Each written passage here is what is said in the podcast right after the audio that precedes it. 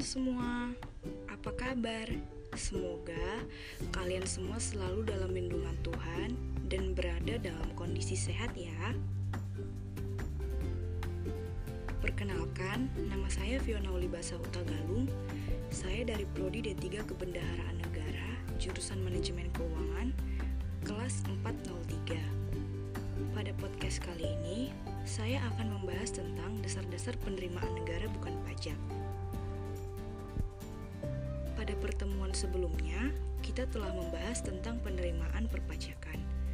Yang membedakan penerimaan perpajakan dengan penerimaan negara bukan pajak terletak pada definisi, objek, subjek, tarif, dan yang lainnya. Di podcast kali ini, kita hanya akan fokus membahas dasar-dasar penerimaan negara bukan pajak. Saya akan menjelaskan pokok-pokok materi yang akan kita bahas dalam podcast kali ini. Yang pertama, kronologi pembahasan Undang-Undang Nomor 9 Tahun 2018. Yang kedua, gambaran umum Undang-Undang Nomor 9 Tahun 2018. Yang ketiga, materi Undang-Undang Nomor 9 Tahun 2018. Yang keempat, pokok-pokok materi Undang-Undang Nomor 9 Tahun 2018. Yang kelima, ketentuan umum. Yang keenam, klaster objek PNBP. Yang ketujuh, pengaturan tarif PNBP. Yang kedelapan, tugas dan kewenangan pengelolaan PNBP. Yang kesembilan, pengelolaan PNBP. Kesepuluh, verifikasi oleh instansi pengelola PNBP. Sebelas, pengawasan PNBP. Dua belas, pemeriksaan PNBP. Tiga belas, keberatan, keringanan, dan pengembalian PNBP. 14. Pengaturan saksi PNBP 15. Wajib bayar dalam Undang-Undang Nomor 9 Tahun 2018 Langsung saja kita membahas tentang kronologi pembahasan Undang-Undang Nomor 9 Tahun 2018 tentang PNBP. Kronologi ini dimulai dari awal tahun 2009 dan 2009 sampai 2014. Pada awal tahun 2009 dan 2010 dilakukan inventarisasi masalah, kajian awal, dan pembahasan inisiasi intern. Pada tahun 2011 dilaksanakan pembentukan tim RUU, draft naskah akademik, forum group discussion dengan KL, akademisi, dan praktis, survei kuesioner, dan workshop. Pada tahun 2012 dilakukan tim kerja RUU, koreksi naskah akademik dan RUU dengan praktisi hukum, forum group discussion dengan KL per sektor, survei kuesioner, dan workshop. Tahun 2013 dilakukan harmonisasi RUU di Kemenkumham dengan KL, prolegnas prioritas 2014 dengan BPHN, dan penyampaian RUU dan NA kepada Presiden. Tahun 2014 dilaksanakan proses pemarapan RUU oleh 8 KL.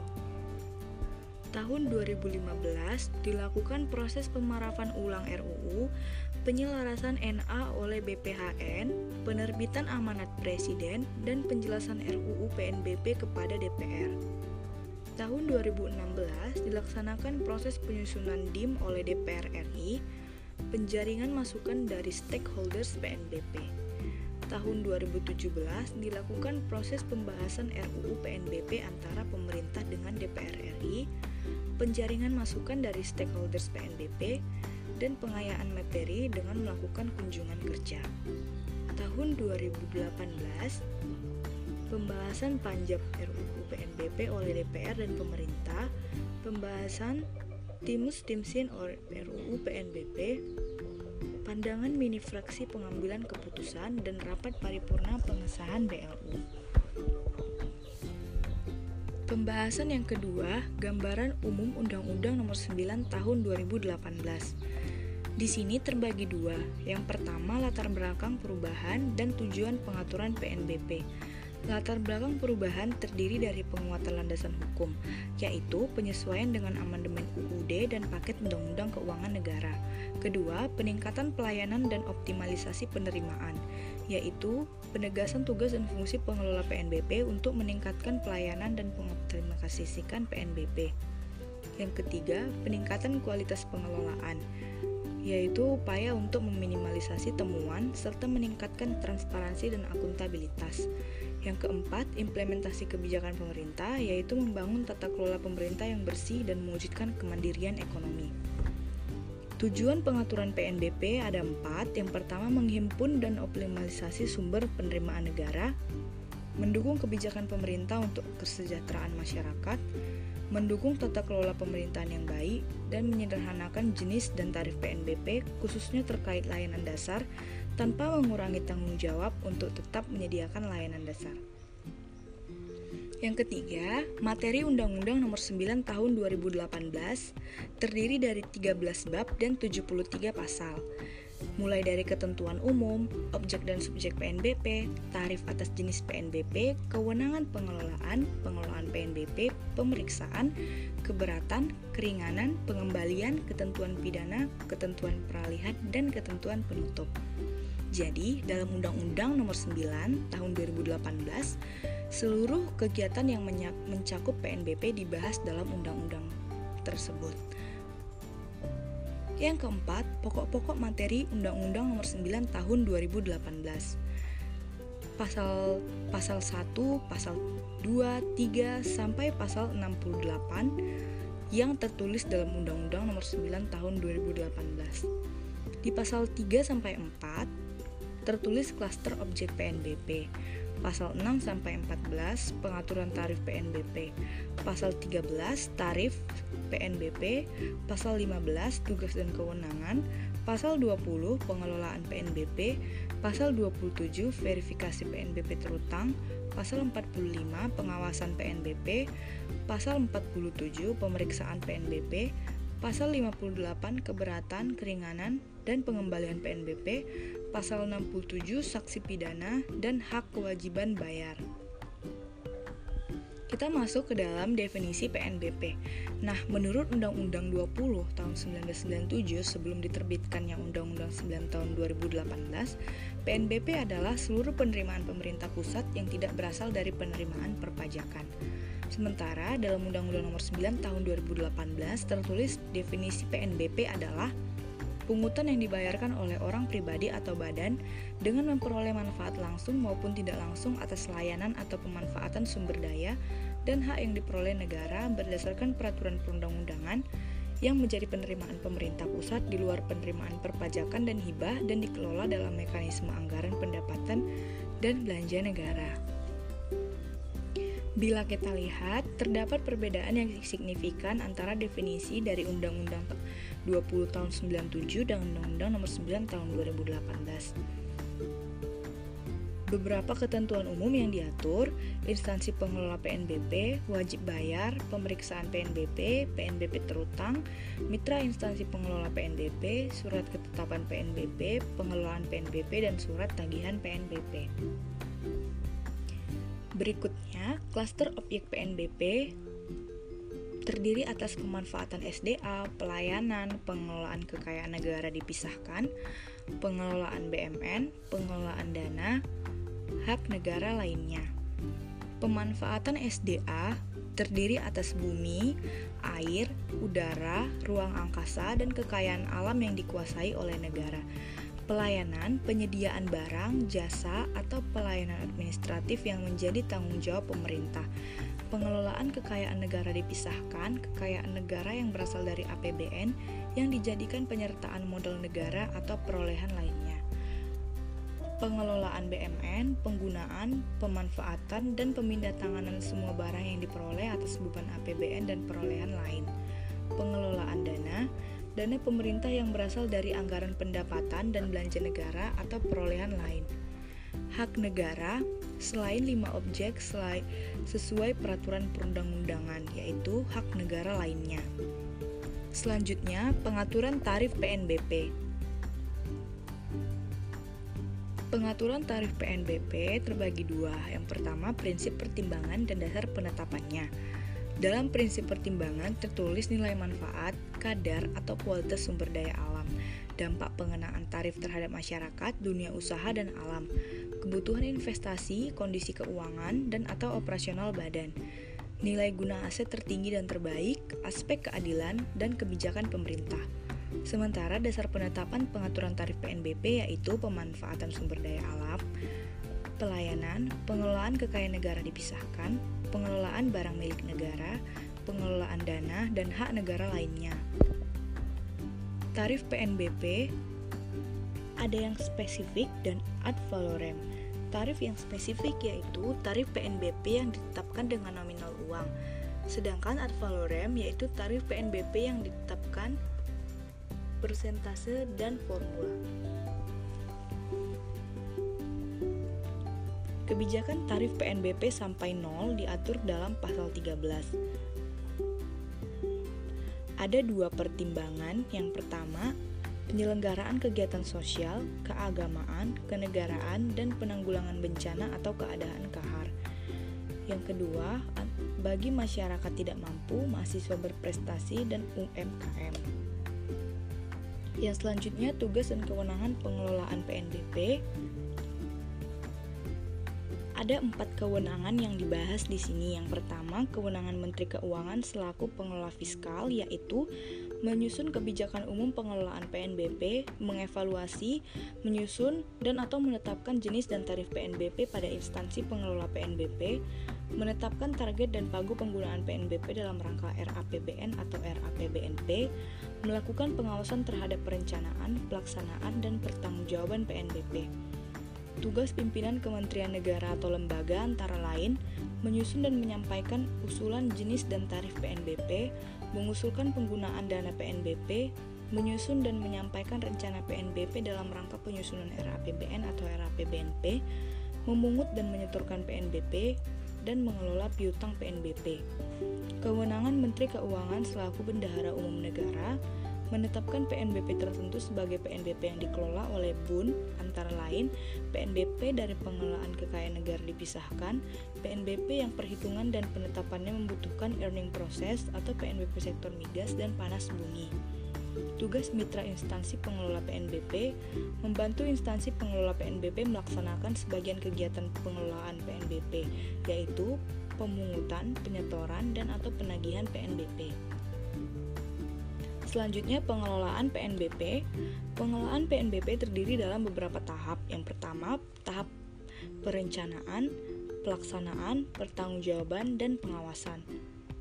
Tahap perencanaan yaitu perencanaan PNBP dalam menyusun RAPBN atau RAPBNP.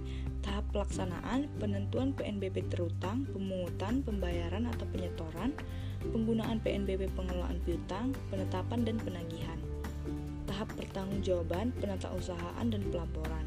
Tahap pengawasan, pengawasan atas perencanaan, pelaksanaan, dan pertanggungjawaban PNBP. Selanjutnya verifikasi oleh instansi pengelola PNBP. Instansi pengelola PNBP wajib melakukan verifikasi atas PNBP terutang yang dihitung oleh wajib bayar. Tujuannya agar meningkatkan kepatuhan wajib bayar, khususnya yang menghitung sendiri kewajibannya, supaya meminimalisasi potensi kerugian negara. Verifikasi ini tertulis dalam pasal 27 Undang-Undang Nomor 9 Tahun 2018. Selanjutnya pengawasan PNBP Pengawasan PNBP dilakukan oleh APIP atau Aparat Pengawasan Intern Pemerintah. Instansi pengelola PNBP melaksanakan pengawasan intern atas pengelolaan PNBP yang dilakukan oleh aparat pengawasan intern pemerintah yang bertanggung jawab langsung kepada menteri atau pimpinan lembaga. Yang kedua, pengawasan yang dilakukan oleh Menteri Keuangan. Tujuannya untuk meningkatkan kualitas perencanaan, pelaksanaan, dan pertanggungjawaban PNBP. Menteri melakukan pengawasan terhadap instansi pengelola PNBP. Pengawasan dapat dilakukan dalam bentuk verifikasi, penilaian, dan atau evaluasi. Selanjutnya, pemeriksaan PNBP. Pemeriksaan PNBP ini terdiri dalam beberapa topik. Yang pertama, objeknya, dasar pemeriksaannya, inisiator, ruang lingkup, dan hasil pemeriksaan. Yang pertama, saya akan menjelaskan tentang objek pemeriksaannya. Objek pemeriksaan PNBP itu ada tiga, wajib bayar, instansi pengelola PNBP, dan mitra instansi pengelola. Dasar pemeriksaan antara lain hasil pengawasan intern atau menteri, hasil pengawasan intern atau menteri, permintaan koreksi surat tagihan, pengembalian atau keringanan, indikasi kerugian dan ketidakpatuhan. Inisiator ada dua, yaitu instansi pengelola PNBP dan menteri. Yang keempat, ruang lingkup, yaitu kepatuhan pemenuhan kewajiban wajib bayar. pemenuhan ketentuan PNBP oleh instansi pengelola PNBP dan mitra instansi pengelola. Yang ketiga, tata kelola PNBP. Hasil pemeriksaan ada dua, laporan hasil pemeriksaan dan surat ketetapan PNBP. Terdiri dari atas tiga, kurang bayar, nihil, atau lebih bayar. Selanjutnya, keberatan, keringanan, dan pengembalian PNBP. Dalam hal keberatan PNBP, tertulis dalam pasal 58 sampai 61 dalam Undang-Undang Nomor 9 Tahun 2018. Dalam hal keberatan diajukan oleh wajib bayar atas surat ketetapan lebih bayar, surat ketetapan nihil, atau surat ketetapan kurang bayar. Diajukan ke instansi pengelola dan diterbitkan persetujuan atau penolakan. Ketiga, keputusannya bersifat final. Keempat, wajib bayar dapat mengajukan gugatan atas putusan keberatan ke PTTUN. Dalam hal keringanan, tertulis dalam pasal 62, dasar pengajuannya kondisi kahar, kesulitan likuiditas atau kebijakan pemerintah. Bentuk keringanannya berupa pengangsuran, penundaan, pembebasan, dan pengurangan.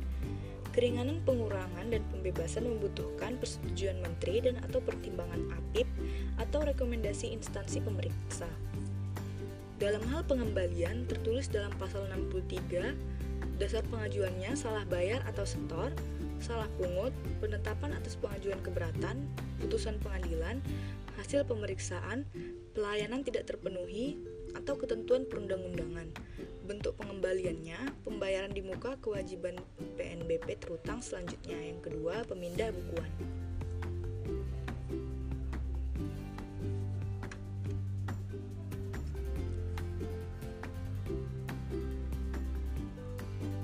Selanjutnya, pengaturan saksi sanksi PNBP.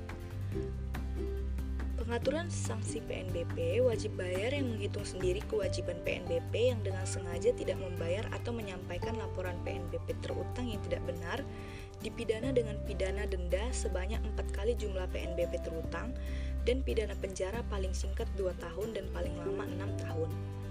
Setiap orang yang dengan sengaja tidak memberikan dokumen, keterangan, dan atau bukti lain yang dimiliki, atau memberikan dokumen, keterangan, dan atau bukti lain yang dimiliki namun isinya tidak benar, dipidana dengan pidana denda paling banyak 1 miliar rupiah atau pidana kurungan paling lama satu tahun. Wajib bayar dalam Undang-Undang Nomor 9 Tahun 2018. Wajib bayar dalam Undang-Undang Nomor 9 Tahun 2018, wajib bayar dapat mengajukan permohonan koreksi terhadap surat tagihan PNBP kepada instansi pengelola PNBP atau mitra instansi pengelola PNBP. Wajib bayar dapat mengajukan keberatan kepada instansi pengelola PNBP. Wajib bayar dapat mengajukan permohonan keringanan PNBP terutang kepada instansi pengelola PNBP dan wajib bayar dapat mengajukan permohonan pengembalian PNBP terutang kepada instansi pengelola PNBP. Kewajiban wajib bayar dalam Undang-Undang Nomor 9 Tahun 2018 Wajib bayar menghitung PNBP terutang untuk PNBP self assessment. Wajib bayar membayar PNBP terutang ke kas negara paling lambat pada saat jatuh tempo. Wajib bayar yang menghitung sendiri PNBP terutang wajib menata usahakan PNBP. Wajib bayar menyampaikan laporan realisasi PNBP dan laporan PNBP terutang kepada instansi pengelola PNBP dan wajib bayar memberikan, memperhatikan, dan atau menyampaikan dokumen, keterangan, dan atau bukti lain yang diminta oleh instansi pemerintah. Nah, teman-teman, materi yang barusan saya sampaikan adalah materi terakhir dalam podcast Dasar-dasar Penerimaan Negara Bukan Pajak. Terima kasih atas perhatian teman-teman semua telah mendengarkan podcast saya. Semoga apa yang saya sampaikan bisa teman-teman mengerti. Terima kasih dan sampai jumpa.